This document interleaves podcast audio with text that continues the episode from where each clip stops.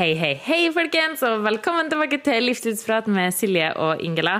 Mitt navn er Ingela.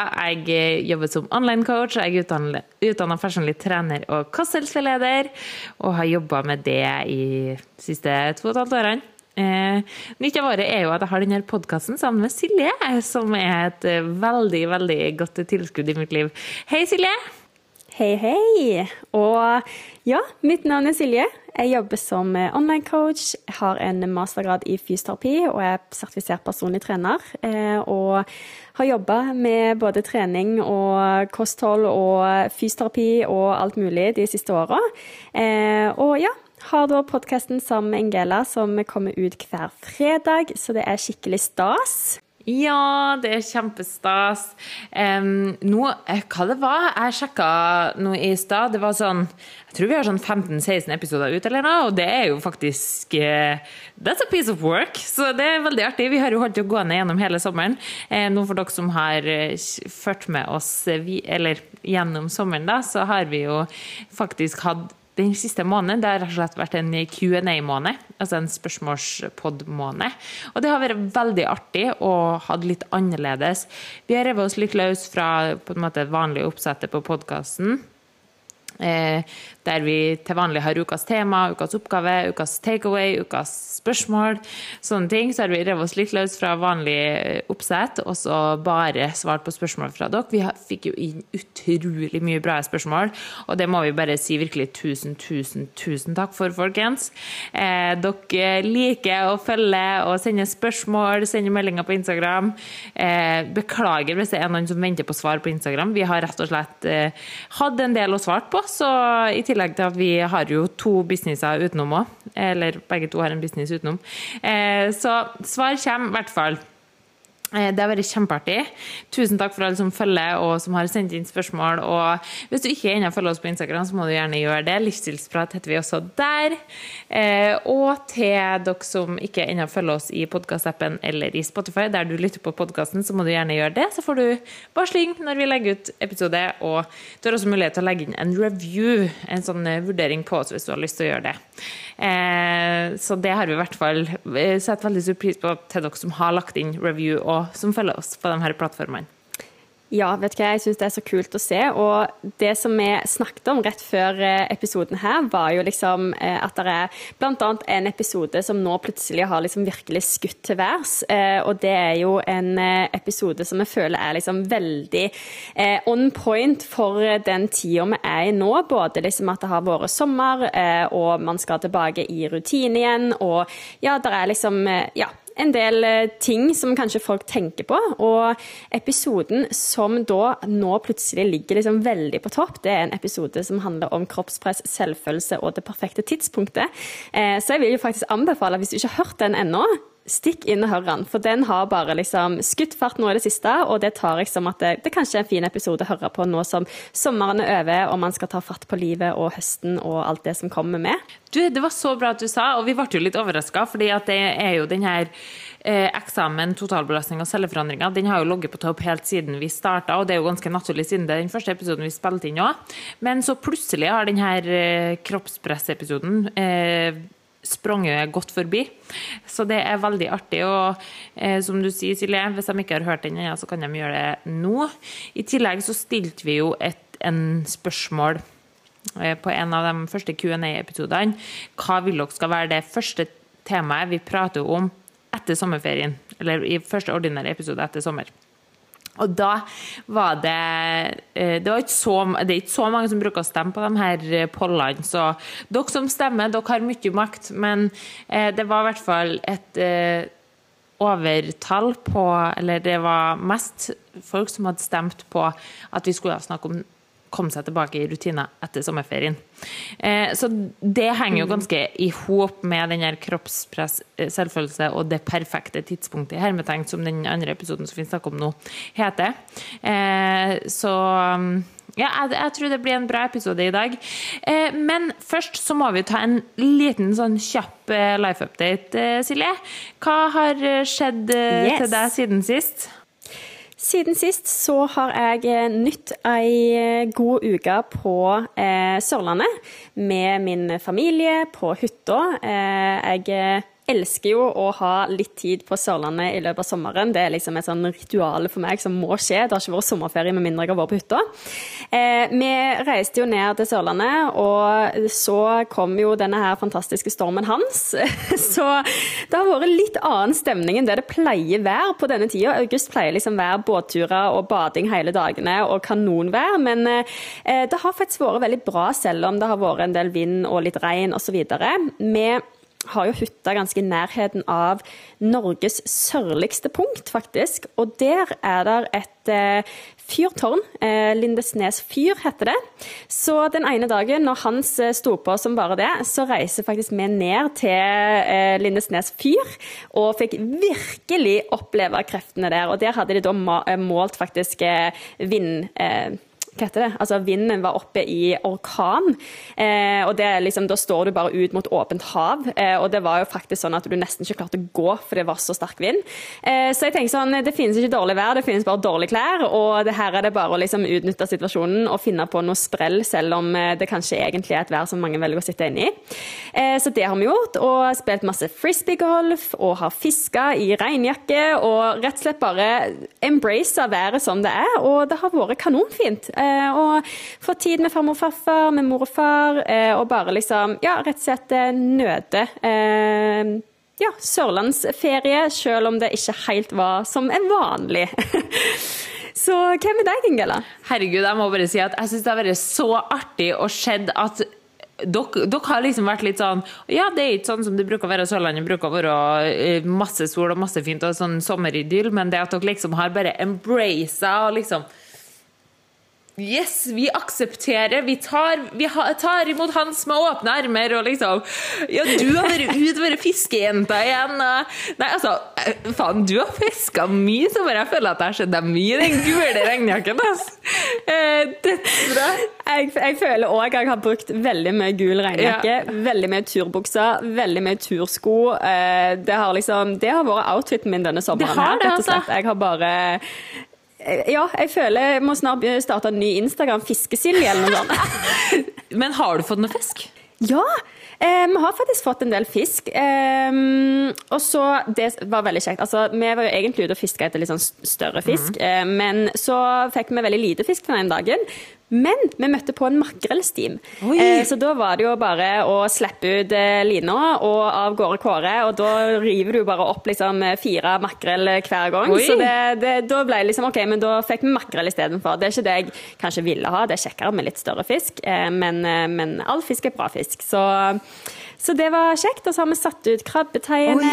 Og ja, rett og slett eh, garn satt vi ut, og fikk stor, fin eh, torsk og alt mulig. Så ja, det har vært litt forskjellig. Ehm, så Litt fisk har det blitt. Men herregud, ja. fiskesilje av gårde Kåre, det her får meg bare til å tenke på Det er en ting som vi ikke har posta på Instagram, som vi har tenkt at vi skal poste på Instagram.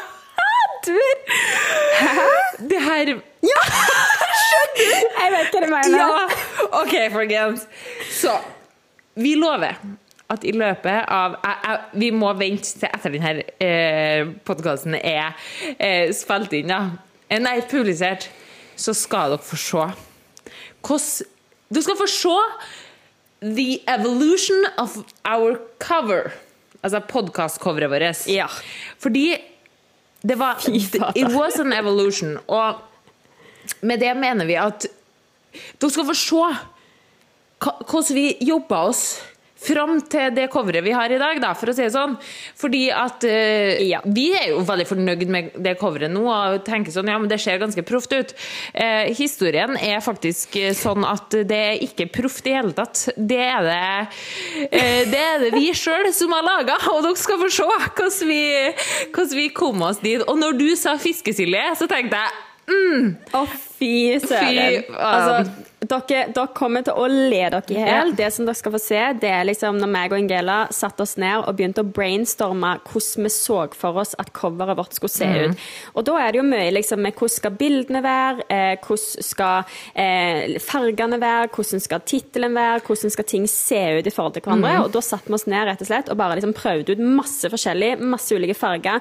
Prøvde liksom å finne ut hva slags fargeklær skal vi ha på oss, osv. Og, Og det første coveret som vi på en måte da lagde som et utkast Da kommer vi til å le dere i hjel, og det skal vi da dele med dere. Og det, det er legendarisk, og det coveret kommer til å for alltid være i våre historiebøker. Og det er så stygt, men samtidig så Ja, fantastisk. det er så Så ja. Eh, Stikkord er da fiskesilje. Fiskesilje. Det syns jeg bare var helt nydelig. Men ja, nei, eh, liten, eh, liten tur utafor båten, da, for å si det sånn. Eh, det der. Men, eh, men la oss høre hva jeg har gjort siden sist. Du, jeg føler at det er gjettelenge siden vi har snakka sist, da. Men da var jeg jo hjemme i Trøndelag. Og så, folkens, dagen etterpå, sist vi, eh, dagen etter vi spilte inn siste episode, så skulle jo jeg til legen. Skal vi bare ta det med en gang? Ja! Herlighet. Ja. Det er jo, men, men jeg var jo ute og, og jogga meg en eh, tur i morges, og da hørte jeg jo på den episoden. Så da ble jeg jo påminnet at ok, Ingela, det her må du jo eh, snakke om i dag, faktisk. For at jeg har jo lovt at de skal få oppdatering. Men i hvert fall på forrige episode så eh, eh, fortalte jeg jo at jeg skulle til legen min for å ta denne celleprøven eh, i dagen etter, da. Og fortalte om at jeg gruer meg en del. Ikke pga. at jeg var redd for smerten, og sånn, for det føler jeg jo at jeg og du Silje, har gått gjennom så grundig. Vi har snakka så mye om det. Og liksom, jeg på en måte har fått tryggheten i at OK, men sjølve prosedyren som skal gjøres, er ikke noe å være redd for.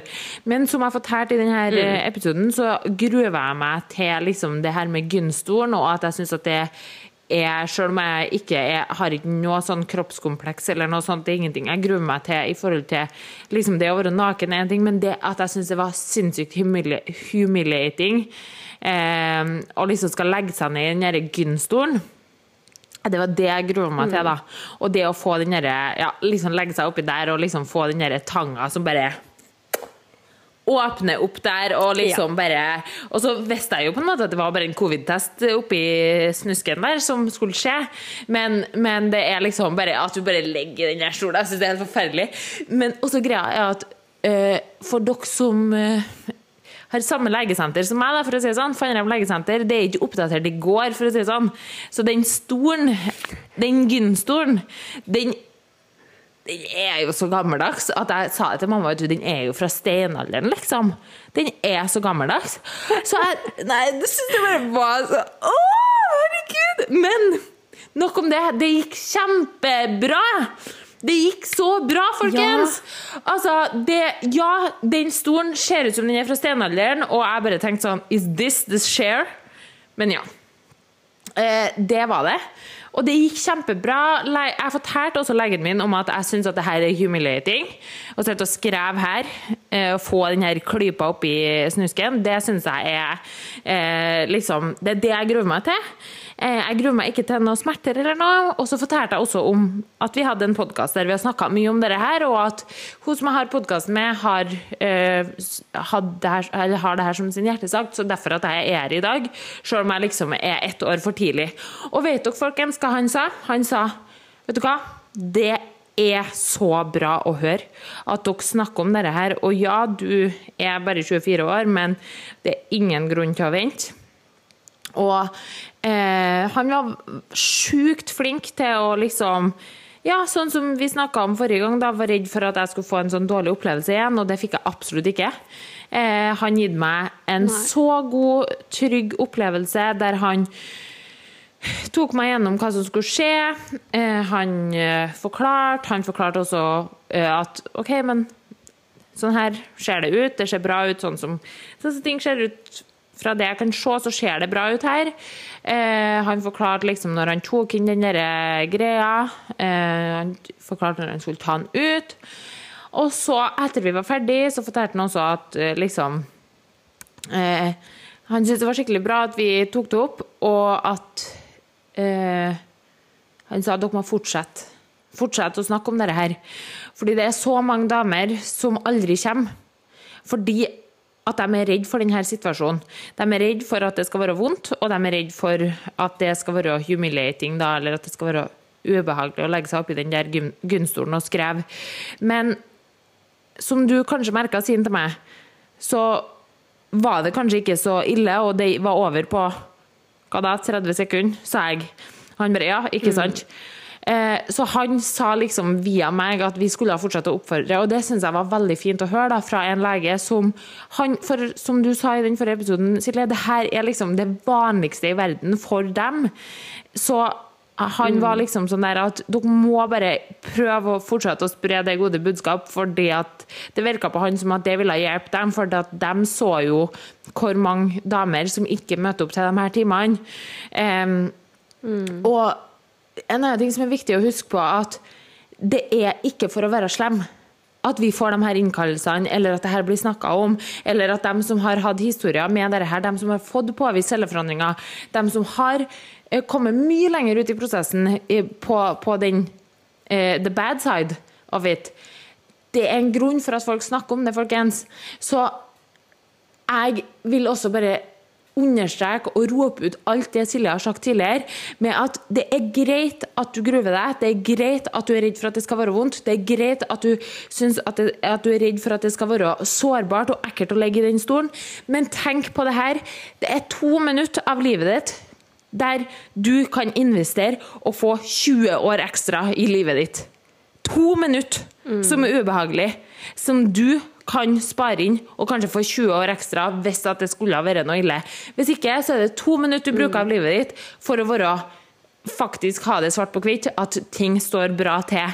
Det kommer til å være ubehagelig den første gangen, og så kommer du til å tenke sånn etterpå Herlighet, hvorfor lot jeg meg sjøl bruke så mye negativ tankekraft og energi på at det her skulle være så skummelt som det faktisk ikke var?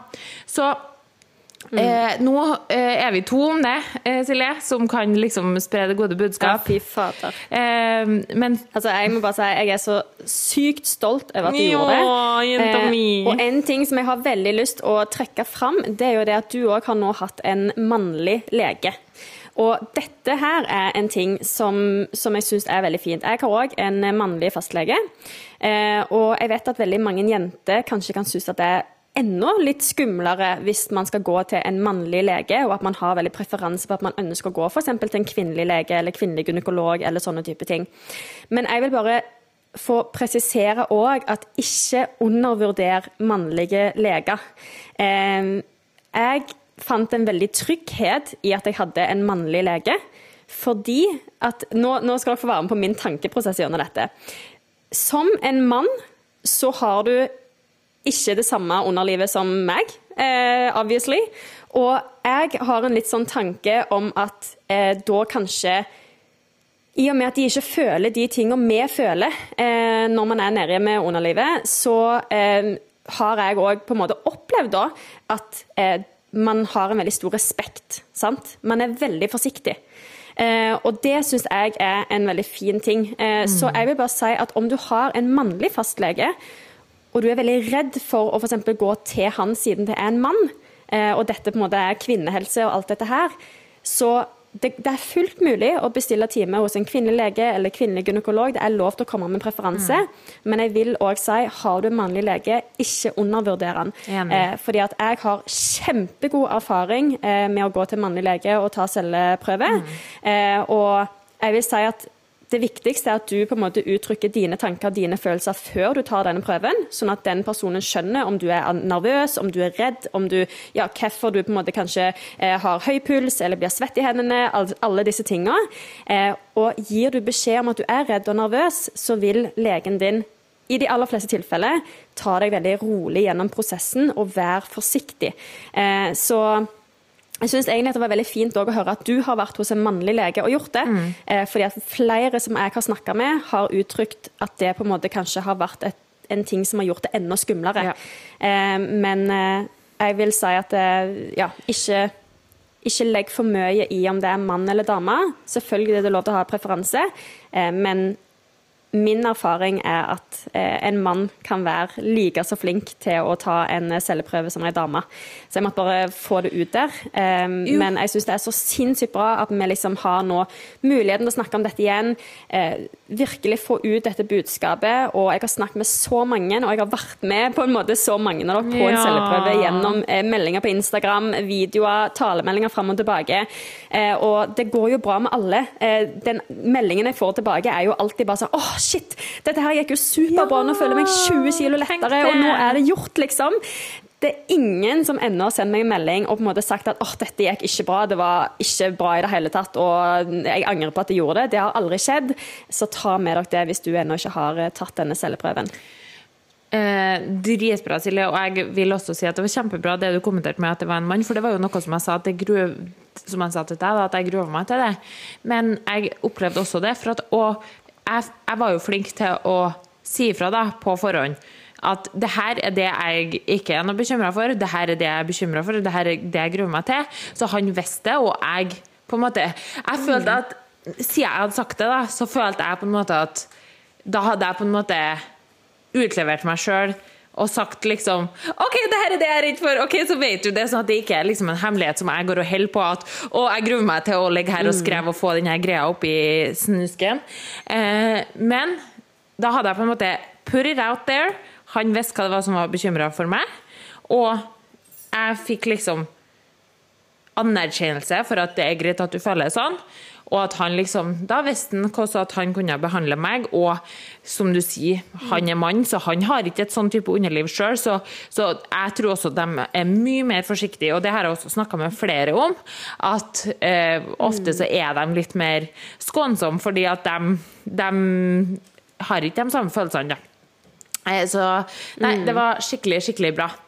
Eh, var det. Så utover det da, så kan jeg jo også fortelle om at nå har jeg jo vært i Spania her i ti dager. Eh, og eh, vi har siste dagen i dag, så vi reiser hjem i morgen igjen. Eh, så eh, har jeg hatt en skikkelig sånn feriefeeling, så at jeg har vært veldig konsistent med jobbinga mi. Eh, som i form av at jeg har stått opp litt tidligere, jobba fra morgenen av, eh, ferie på trening, jobba igjen. Og så har jeg gått ned og så joina resten av gjengen, eh, som for øvrig er dem som har bodd sammen i Oslo, som dere vet. Eh, og så har jeg joina dem ved bassengkanten eller strand, eller sånn som de har holdt på med da. Og så har jeg også avslutta litt tidligere for å gå tilbake og jobbe. Eh, og så har jeg fått liksom kombinasjon da, av både ferie, eh, som i solseng og bli brun, som var en av målene som jeg hadde. Eh, og så har jeg liksom kommet tilbake og jobba, og så har de kommet inn tilbake litt senere, så har vi hatt litt sånn aktiviteter eller ja, eh, samhold på kveldstid, og så har jeg jobba igjen etter de har eh, lagt seg. Så at jeg har hatt en sånn eh, Sjøl om jeg har gjort sånn som vanlig, så har jeg klart nå denne gangen å ha en tilnærming til det som ikke føler at jeg bare har missa ut på den på en måte ferie i Spania-biten, men jeg har virkelig klart å uh, få dem til å fungere skikkelig bra sammen. Så det har vært så nydelig. Uh, jeg har et håp om at jeg skal få meg en soltime i dag òg, eh, sånn på, på solsenga. Eh, og så må jeg jo også si at jeg har eh, begynt å close inn litt sånn plan for høsten min, og det kjennes skikkelig skikkelig godt ut. Så jeg føler at jeg har fått gjort mye på denne turen, sjøl om jeg også har fått slappe av. Så eh, nei, jeg er skikkelig, skikkelig ved godt eh, humør og mot og energi. Og nei, altså det er ingenting å si på her på kanten min, altså. Åh, Fy søren. Og jeg må jo bare si at jeg syns det er så kult å se hvordan du liksom klarer å finne den balansen. Fordi du har vært på trening, du har vært på treningssenteret, du har jogga ute, du har solt deg, du har jobba. Du har liksom gjort litt av alt. Og det gjør jo òg at selv om du er på ferie, så faller liksom ikke rutinene helt ut. Men det er heller ikke sånn at rutinene tar på en måte over ferien, hvis du skjønner hva jeg mener. At du liksom holdt på de der kjernerutinene som er fine å ha i løpet av dagen, eh, men du har på en måte fortsatt hatt de innspillene av det der å bare kjenne på feriefølelsen.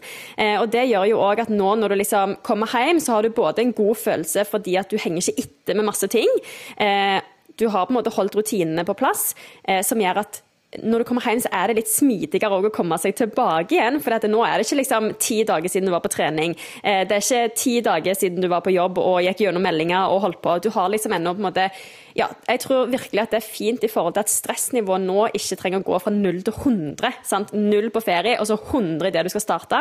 Eh, og det her er iallfall noe som jeg har snakket med masse med mine kunder om nå, som på en måte kommer tilbake fra ferie, skal i gang på jobb, og det er litt sånn at man gruer seg til første dagene mm. på jobb fordi at man vet at nå er det så mye man skal på en måte sette seg inn i på ny. Det er så mye som har ligget og venta på pulten til man kommer tilbake. Mm. Eh, har ikke trent på en stund, kanskje, med faste rutiner. Eh, og liksom, ja, bare det å på en måte klare å komme seg litt tilbake. Og jeg ser jo det at de kundene som har på en måte vedlikeholdt litt av kjernerutinene sine. Det er ikke det at du må gå på treningssenter og være der i 90 minutter. Det handler om at du kan si at nå skal jeg ut og gå meg en tur, fordi det er liksom en del av rutinen. Nå er det aktivitet som skal gjøres.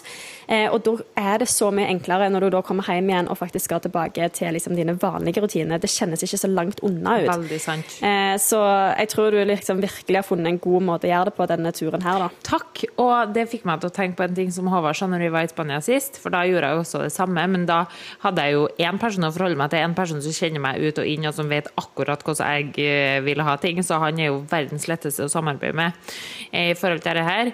Men han sa noe eh, Et sånn veldig bra ordtak da, som fikk meg som jeg kom på igjen når du sa dette her. At man selv om man kanskje ikke klarer å holde på alle rutinene, men at som du sier, at man har kjernerutinene sine. At man har på en måte noen sånn ulike ting eh, som man tenker på. Sånn, ting er jo eh, hvis at man For jeg har spist, jeg har spist mye eh, drit, sånn ferie, feriemat nå òg. Eh, altså ikke bare feriemat, men at jeg har kosa meg som at jeg har vært på ferie. Men så kan jeg liksom føle på det, da, at jeg har spist uh, mye is eller godt uh, middag og sånn der. Men så tenker jeg litt sånn, tar jeg litt sånn steg tilbake at jeg har egentlig ikke gjort det så ille. Ja, jeg har spist litt sjokolade her og der og uh, småspist mer enn jeg bruker. Men det er stor forskjell på å gjøre det og, og tenke at OK, men nå har jeg gjort det, så nå kan jeg bare spise eh, croissant med Nutella til eh, frokost, lunsj, mellommåltid og eh, spise pizza på kveldstid og godteri og sjokolade. Og liksom at eh, man på en måte, av at man mister noe av rutinene sine, så gir, lar man alle sammen gå. Og det her var det jeg skulle fram til, det Håvard sa. Eh, eh, jeg, må, jeg husker ikke om han sa det på norsk eller engelsk. Det høres jo alltid bedre ut på engelsk, så jeg kan ta begge. Så han sa Don't break the law if you're breaking the law. OK. okay La meg eh, si det på norsk så skal jeg utdype etterpå. Ikke bryt loven hvis du bryter loven. Så Litt sånn weird, sant? Men det, det Ja, men fortsatt. Ja, bra. I like it. Yeah, you like it. Eh, så don't break the law if you're breaking the law. Eller ikke bryt loven hvis du bryter loven.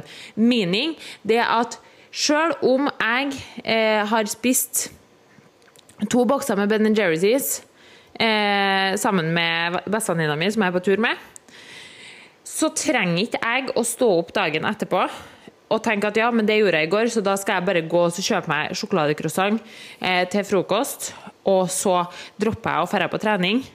Eh, og jeg eh, dropper å gå meg tur. Eh, og jeg kjøper går og kjøper meg club sandwich med fries eh, og majones til lunsj. Og at jeg kjøper meg eh, pizza og kjøper en eh, ny Ben Jerry's dagen etterpå. Fordi at jeg kjøpte den Ben Jerry'sen i går. Så det er liksom det at sjøl om jeg har gjort mye ting som er utafor mine normale rutiner, så har jeg fortsatt å holde på det jeg har klart å holde på. Så jeg har fortsatt spist eh, proteinyoghurt med frukt til frokost-lunsj. Eh, jeg har fortsatt eh, Jeg har faktisk hatt 10 000 skritt hver eneste dag forrige uke. Jeg har trent alle treningsøktene mine Yes. sånn som jeg har skulle. Så det er det jeg mener med 'don't break the law if you're breaking the law'. Eh, du trenger ikke å gjøre alt bad bare for at du gjør én ting bad. Ja. The list goes on. Så Og det her er jo en ting som vi preacher til våre Sant. kunder hver eneste uke. Ja. Det er så mange som har den her alt eller ingenting-mentaliteten. Og hvis det er én ting som jeg tenker bare sånn Legg det vekk med en gang! Yeah, det er alt eller ingenting-mentaliteten. Det er liksom, Så fort du går inn og tenker at har du gjort én ting dårlig, da kan bare alt annet gå rett vest, så har du på en måte tapt. Fordi at det, vil, altså Man kan ikke forvente av seg sjøl at 100% skal være 100% bra hele tida. Men hvis du da hver gang du gjør én ting eh, som er utenfor det du hadde tenkt, skal drite i alt og bare kaste. Det er liksom litt sånn, Hvis du går og bærer et fat med mat, og du mister et glass i, i bakken, kaster du da resten av fatet i bakken òg og tenker ja, ja, nå, nå mister jeg jo det glasset i bakken, så nå kan jeg bare kaste alt annet òg i bakken? Exactly. Nei, du gjør ikke det. Da går du videre med fatet, setter det på bordet, plukker opp det glasset som du knuste, finn et nytt glass. exactly. Og det er så viktig å bare liksom Jeg tror virkelig at skal du vinne, så må du tillate deg at du på en måte kan skeie ut noen plasser, og at ting ikke er 100% perfekt hele tida, uten at det skal få følgeskade. Helt enig. Ja, og det her tar oss jo veldig inn mot eh, temaet som vi skal snakke litt om i dag, som eh, dere, våre kjære lyttere, har eh, stemt fram. Og det er jo akkurat dette her med å komme tilbake i rutine etter sommeren.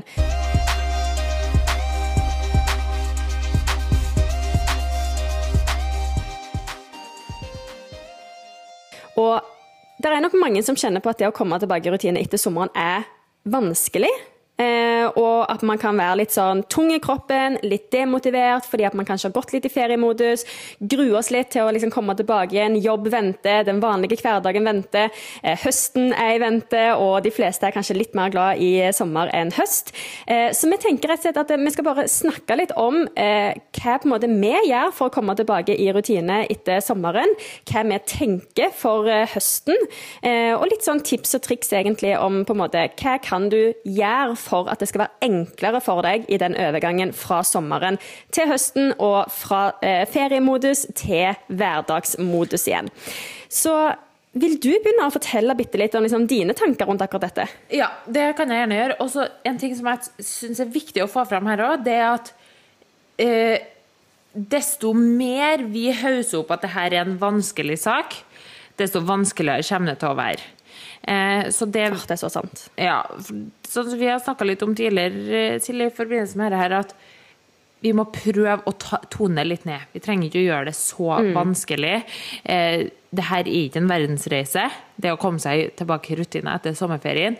Ofte så maler man et større, vanskeligere, mer dramatisk bilde oppi hodet sitt enn det faktisk er.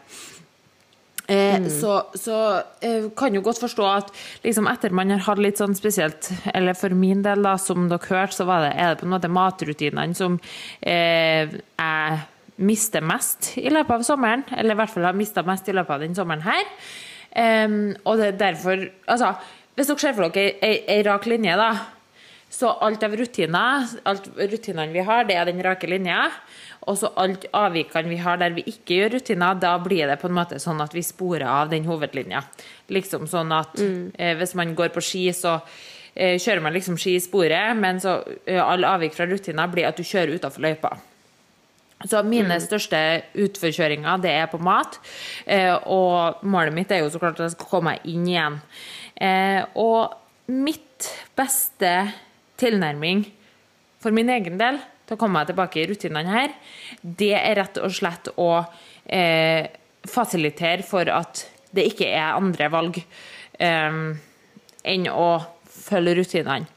Det vil si eh, ikke ha tilgjengelig eh, mat som gjør at jeg kjører utafor løypa. Eh, det vil si også at jeg må ha annen mat tilgjengelig, og det er jo den maten som er mine vanlige rutiner. Så når jeg kommer tilbake nå i, fra Spania i morgen, eh, så kommer jeg til å dra på butikken. Jeg kommer til å kjøpe inn proteinyoghurt, jeg kommer til å kjøpe inn skyr, jeg kommer til å kjøpe inn det brødmat og pålegg som jeg trenger. Jeg kommer til å kjøpe inn sånn at jeg kan preppe mat til resten av uka. Eh, fordi hvis jeg har den maten tilgjengelig, så kommer ikke jeg til å dra og kjøpe noe annet, eller dra innom og kjøpe noe annen mat. Eh, så, så for meg så er det litt sånn at det må være litt sånn cold cut på at jeg ikke kan holde på å snavle. Jeg kan ikke kjøpe med meg f.eks. Hvis jeg kjøper meg eh, sjokolade i morgen på taxfree-en, så kommer jeg til å spise noe. Eh, så, så for meg så må det være litt eh, cold eh, cut på det. At jeg liksom OK, nå er det ferdig.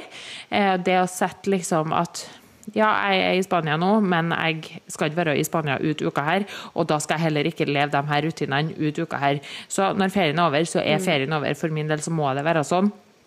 Eh, og jeg liker gjerne å, å på en måte kjøre det litt sånn hardt. Ikke, ikke at jeg skal på en måte eh, spise noe mindre enn det jeg gjorde før ferien, og sånt, for det vet jeg heller ikke funker.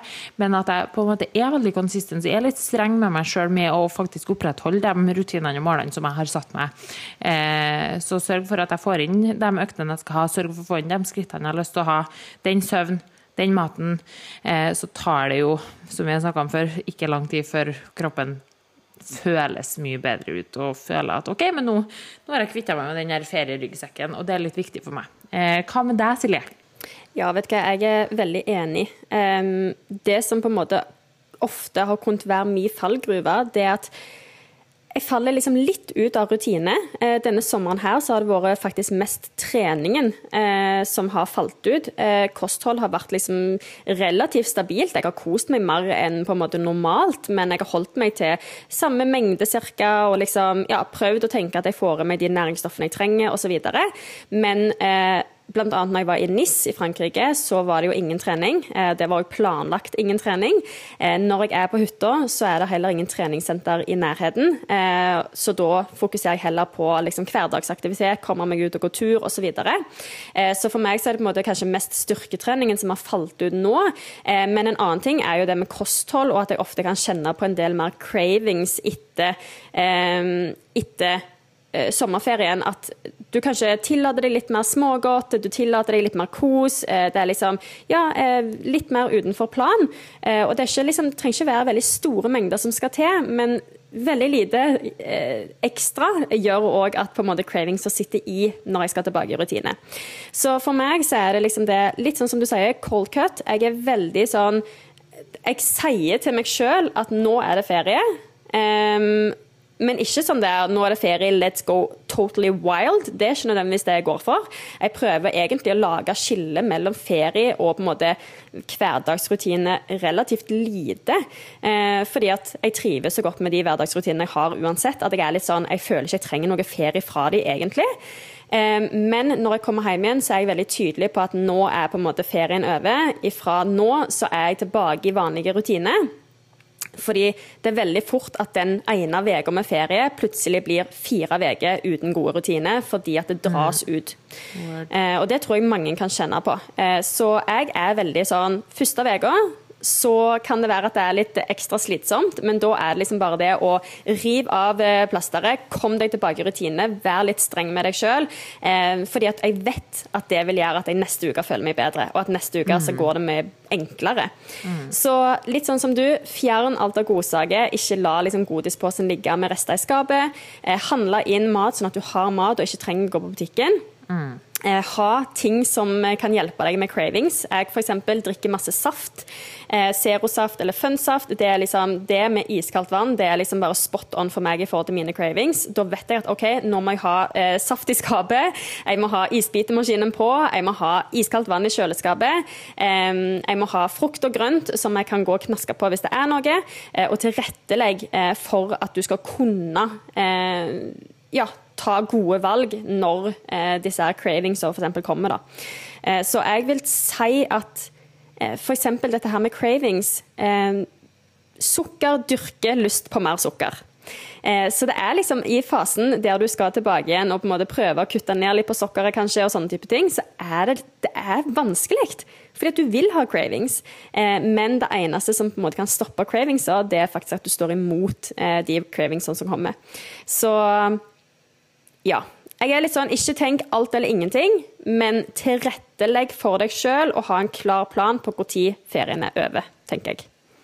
Ja, det tror jeg er kjempeviktig. Samt at vi vet jo også at uh, ja, sukker craver eller øker behovet for mer sukker, men også det med at uh, aktivitet altså er Får man inn litt aktivitetsrutiner, søvnrutiner på plass, vanninntaksrutiner, så kommer det til å være steg som gjør til at du kjenner på at Men jeg har egentlig ikke så lyst på det sukkeret nå, fordi at nå har jeg nettopp vært på trening eller nettopp vært ute og gått med en fin tur. Eller jeg starta dagen med en så bra frokost og har beveget meg, og drukket bra med vann. Hvorfor skal jeg da på en måte bryte opp det igjen da med å på en måte eh, gå opp i godteriposen eller dra og kjøpe meg godteri? Eh, så mm. jeg prøver å også tenke på det at OK, men nå er vi på en god ting her. Hvert gode valg er et godt valg. Eh, og også være snill med meg sjøl i forhold til vet du, det kan være vanskelig å komme seg tilbake i de rutinene, og det kan være vanskelig å holde, holde den cold cutten. For plutselig så er det noen andre som har, har, igjen rester, og jeg vet at da kan det hende at OK, men kanskje jeg tar en sjokoladebit der, men ikke være for hard med meg sjøl med å tenke at OK, men da er, det jo, er det jo ikke noe vits i alt jeg har gjort for å komme tilbake i rutiner etter ferien igjen. For da kommer vi jo tilbake til den her mm. alt eller ingenting-tankegangen. Og som jeg ofte sier, og som jeg også vet du ofte sier til dine kunder, det er aldri noe som blir ødelagt. Det er aldri mm. noe som blir ødelagt. Du er bare ett valg unna å ta et nytt, godt valg. Eh, så selv om du tok det forrige valget eh, var eh, litt dårligere, eller at du ikke klarte å motstå, eller whatever, så er det liksom Du er bare ett valg unna et godt valg, og eh, du skal ikke mm. bryte loven hvis du allerede bryter loven. Eh, så, så, det tror jeg er viktig å huske på, og det er ingenting som blir ødelagt. Mm. Ja, og jeg syns det er så fint det du sier, for det, akkurat dette her med f.eks. cravings, da, som jeg opplever er noe som ganske mange kjenner på, eh, og som syns det er liksom litt utfordrende. Eh, Cravings kommer ikke nødvendigvis bare av at man spiser sukker. Sånn som du sier, så kan det være at eh, hvis du har sovet litt lite, eh, hvis du har stressa litt nå når du skal tilbake i rutine igjen, eh, hvis du ikke har drukket nok vann, hvis du kanskje har spist litt sjeldnere eller dårligere, eller liksom, ja, f.eks. at matrutinen ikke har vært helt på plass sånn som det pleier. Kanskje det har gått veldig lenge mellom frokost og lunsj, som gjør at du på en måte blir veldig sulten. Alle disse tingene kan jo trigge cravings, f.eks. Nå blir cravings et sånn litt sånn eh, eksempel på en typisk ting, da. Term, Men yeah. eh, alt henger sammen, eh, og det er det som er så viktig. Så om det så er at du f.eks. skeier litt ut, eh, ikke tenk at det ødelegger alt, for det er så mange andre ting du kan på en måte ta et godt valg på. Eh, du kan få på plass søvnrutinene dine, for det vet du gjør godt for deg, at du får en god eh, energi av det. Du kan eh, planlegge middagene dine, spise mat som du trives med, ikke minst. Det er så mange som tenker at eh, OK, nå skal jeg liksom eh, spise sunn mat, og så ender de opp med å bare lage liksom kylling, ris og brokkoli, og så er kanskje det egentlig noe man ikke liker engang. Eh, og sånn trenger det absolutt ikke være. Ha fokus på mat du liker, for da vil du glede deg til de måltidene. Det er mye kjekkere å lage mat som du liker, og det eh, kan fint være sunn mat som er bra for deg, selv om det er mat du liker. Eh, mat du liker er ikke nødvendigvis ærlig dårlig. Eh, så jeg tror det å på en måte ha en base med gode rutiner som du trives med. For trives du med de, så vil du på en måte glede deg litt til å komme tilbake i rutine òg. Og det her snakket vi om rett før episoden, at nå når jeg har vært på hytta i uka, eh, det har vært helt fantastisk, jeg har kost meg så masse. Men jeg syns òg det er helt fantastisk deilig å komme tilbake til rutinene mine. fordi at jeg, jeg, liker arbeidsrutinene mine, jeg liker treningsrutinene mine. Jeg liker å kjenne på mestringsfølelse på trening. Jeg liker å kjenne på den energien jeg har etter trening. Jeg liker å kjenne på energien jeg har etter å ha svart på check-in til alle mine kunder. Eh, jeg liker når jeg har lagd en middag som smaker kjempegodt og har gitt kroppen min det han trenger av næringsstoffer og energi. Jeg liker følelsen av å legge meg på et tidspunkt jeg er komfortabel med, og eh, kjenne at neste morgen så har jeg fått den søvnen jeg vil ha. Alle disse tingene her setter jeg så pris på, selv om det kanskje er litt tungt den første uka å komme seg tilbake hvis eh, døgnrytmen har snudd litt, eller et eller annet sånn. Men samtidig så vet jeg så godt at dette er rutiner jeg trives med, og da er, på en måte, da er det verdt det. Vet du, det, det, er så spot on, Silje. For det, husker du, i forrige episode så fikk vi jo spørsmål om hvordan lykkes med en livsstilsendring. Og da snakka vi om det her med eh, hvordan lykkes med en livsstilsendring i form av at det er en livsstilsendring det er ikke en mm. vektnedgang eller det er ikke en diett. Og det med at det er en livsstilsendring, det er beviset på det du sier nå. Eller det du sier nå er beviset på at det er en livsstilsendring. At du trives, at du gleder deg til å komme tilbake til den maten, den treninga. At du ikke føler at det er noe du må ha fri fra, som du sa i stad. Du føler ikke at du må ha fri fra den maten, du elsker den maten.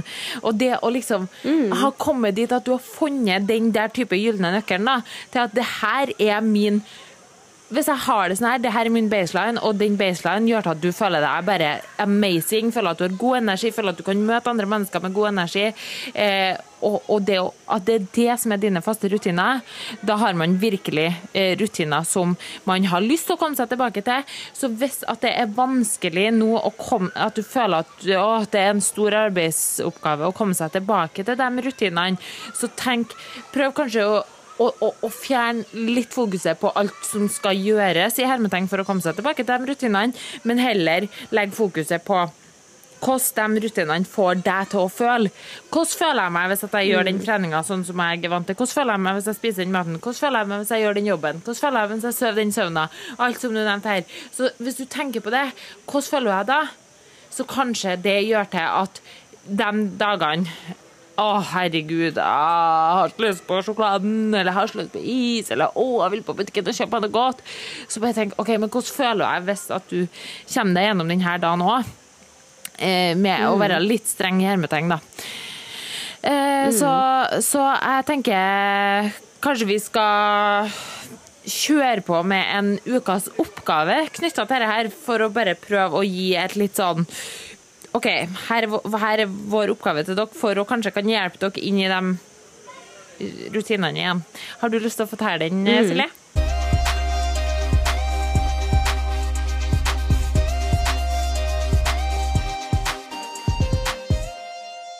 Vi tenker at ukas oppgave, det er eh, Sett deg ned, planlegg kommende uke, og legg en plan. Da tenker jeg på dette med søvnrutine. Når tenker du at du skal legge deg på kvelden? Når skal du stå på morgenen? Hvordan skal du sikre deg at du får de timene med søvn som du vet at din kropp trives med? Eh, lag en plan for eh, hvilke middager du skal lage. Gjerne lage handlelister og gå ukeshandler. ukeshandle. Pass på at du har den maten hjemme som du ønsker å spise i løpet av uka, og eventuelt fjern den maten som ligger igjen etter ferie som du ikke ønsker skal være en del av den kommende uka. Eh, legg inn hvordan skal aktiviteten se ut denne uka her. Har du f.eks. et skrittmål? Hvor mange skritt har du lyst til å gå i gjennomsnitt per dag? Har du tenkt å, trene noen gang? Har du tenkt å gå ut på tur? Du, altså, hva har du tenkt å gjøre av aktivitet denne uka? Og rett og slett lag en plan. Og det trenger ikke være kjempeavansert, det trenger ikke være mye, men bare sånn at du har en sånn her grunnmur på plass til den kommende uka, som tilrettelegger for at du skal få til det du vil.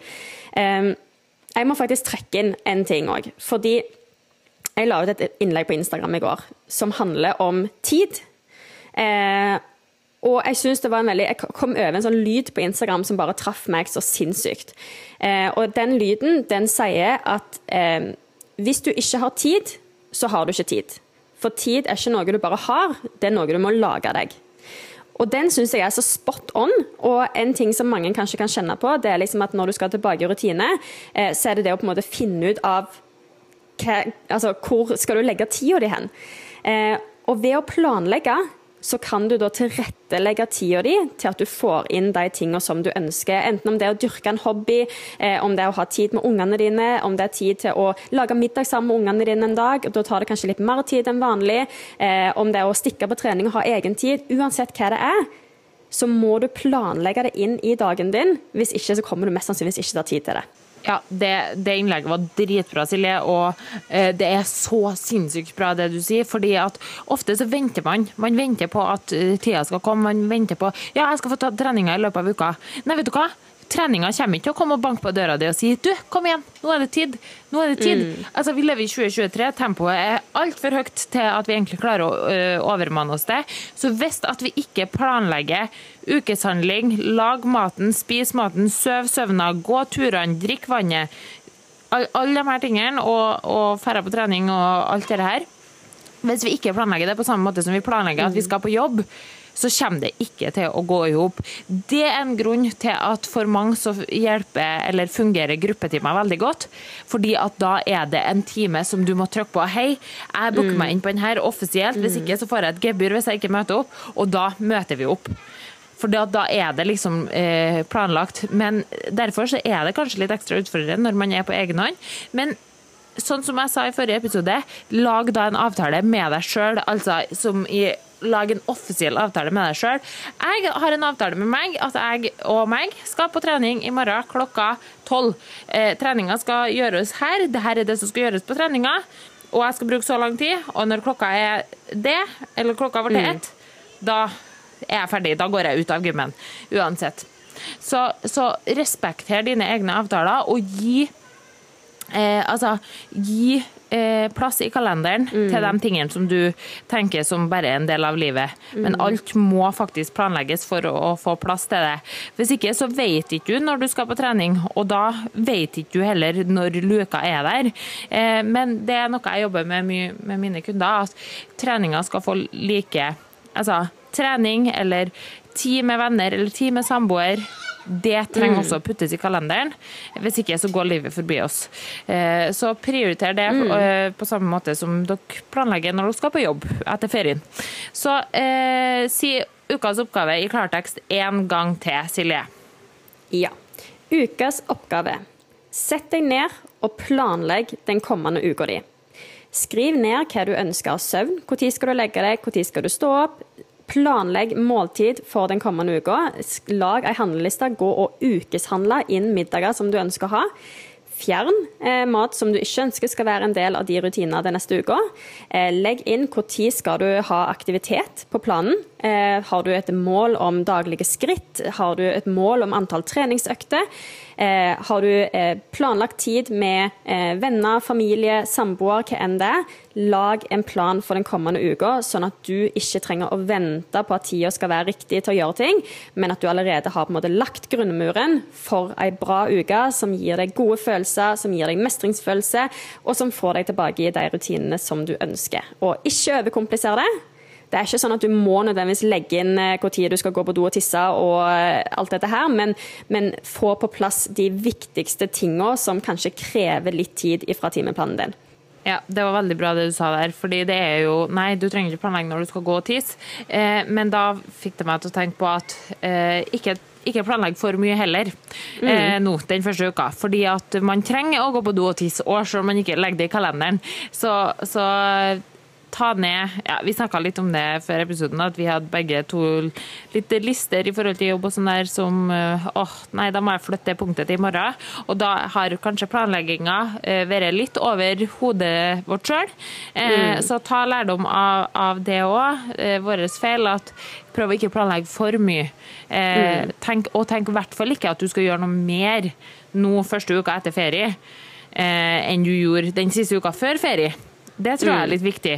Ikke tenk at du skal gjøre mer, for det er slow and steady wins the race, altså. Ja. Um, Vær realistisk og husk at alt tar som regel litt lengre tid enn det du tror. Ja. Eh, så, så, legg en realistisk plan for deg sjøl. Legg opp et par punkter per dag på hva du ønsker å få inn i løpet av dagen. Og så kan du heller legge på noen punkter den dagen hvis du ser at oh shit, nå har jeg plutselig tre timer der jeg har masse tid til overs.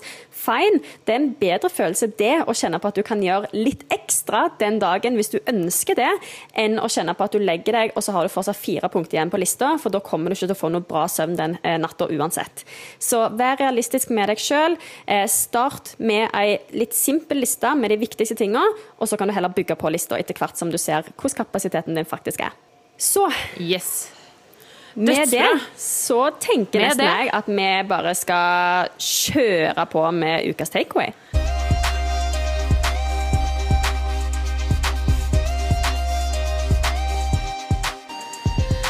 Yes, ukas takeaway. Eh, riv av plasteret, folkens. Det kommer til å være tungt denne uka, men neste uke så kommer det til å kjennes mye bedre ut. Mm. Det var ukas takeaway. Det er ukas takeaway. Det er ikke noe vanskeligere enn det. Og jeg tenker akkurat sånn som Angela sa tidligere i episoden, ikke overkompliser overgangen fra sommerferie til vanlige rutiner. Husk at vanlige rutiner, eller hverdagsrutiner, det er det du er i mesteparten av året. Eh, og det går helt bra. Og jeg vil òg skyte inn her at er det sånn at du f.eks. har starta på en ny skole, vært, eh, blitt student nå etter sommerferien, kanskje du har flytta til en ny by, eh, kanskje du skal sette deg inn i nye rutiner, så gi deg sjøl tid til å puste. Det er kjempeviktig. Ikke tenk at du nødvendigvis allerede første uka skal ha på plass alle de rutinene som du hadde før sommerferien. Er du student på en ny plass, har du flytta til en ny by, la deg sjøl bli kjent med den nye plassen. Kanskje du tar treninga eh, ute og vandre rundt i den nye byen du bor i, istedenfor å gå inn på treningssenteret. Eh, kanskje du tar hverdagsaktiviteten og spiller frisbeegolf med dine nye studentvenner, istedenfor at du eh, sitter hjemme og eh, ja, gjør ting som du ellers hadde gjort hjemme. Eh, men, men, pass på at du har litt overskudd til å sette deg inn i en ny hverdag, og tillat deg sjøl å finne de rutinene som passer den, da litt det nye livet ditt som du skal ta fatt på. Eh, og jeg vet det er veldig mange som har første skoledag i dag, og da må jeg bare skyte inn masse, masse lykke til. Jeg håper dere får en fantastisk dag på skolen. Kjempespennende. Du, det der var dritbra, Silje. Det der var skikkelig, skikkelig bra. Det kan ikke understrekes nok, nok at eh, implementering av eh, nye mennesker, nye rutiner, nye folk, nye jobber, nye studier, eh, nye lærere, nye plasser å bo Altså, det krever mye av oss. Det krever mye hjernekapasitet, og det krever også ekstra del av totalbelastninga vår. Så det var kjempe, kjempebra innspill her nå på slutten, at man faktisk ikke skal være for streng med seg sjøl, og ikke sette lista for høyt. Fordi vi vet hva som skjer hvis at lista settes for høyt, så eh, klarer vi ikke å imøtekomme de kravene vi har satt til oss sjøl. Det kommer til å følge til at mestringsfølelsen blir i bunn, og da kommer vi til å føle oss skuffa og føle at ting er mye tyngre enn de egentlig trenger å være.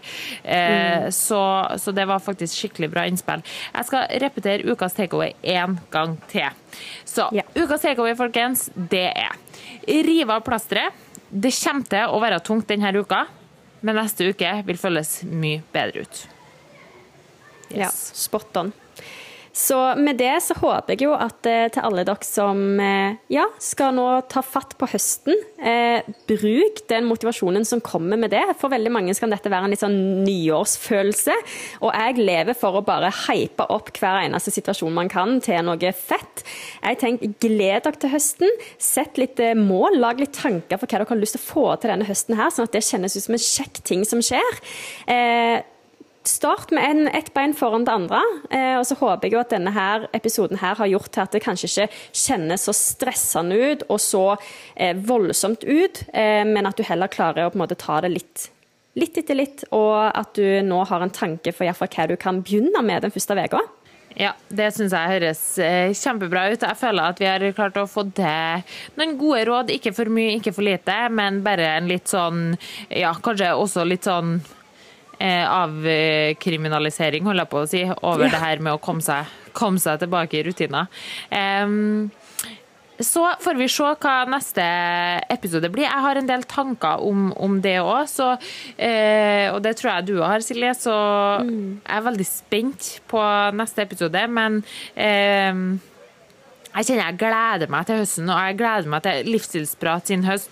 Hva, hva denne podkasten skal være i, i løpet av året, og litt sånne ting. Det, det er noe jeg gleder meg virkelig til. Så det er bare å følge med videre, altså, folkens. Eh, det er det er mye spennende i vente, skal vi si. Ja. Mm, jeg sier tusen takk for meg, tusen takk for oss. Tusen takk for at du har hørt på eh, Livsstilsprat-podkasten i dag. Håper du får ei kjempefin eh, uke videre der du er og med det du skal. Så snakkes vi plutselig igjen.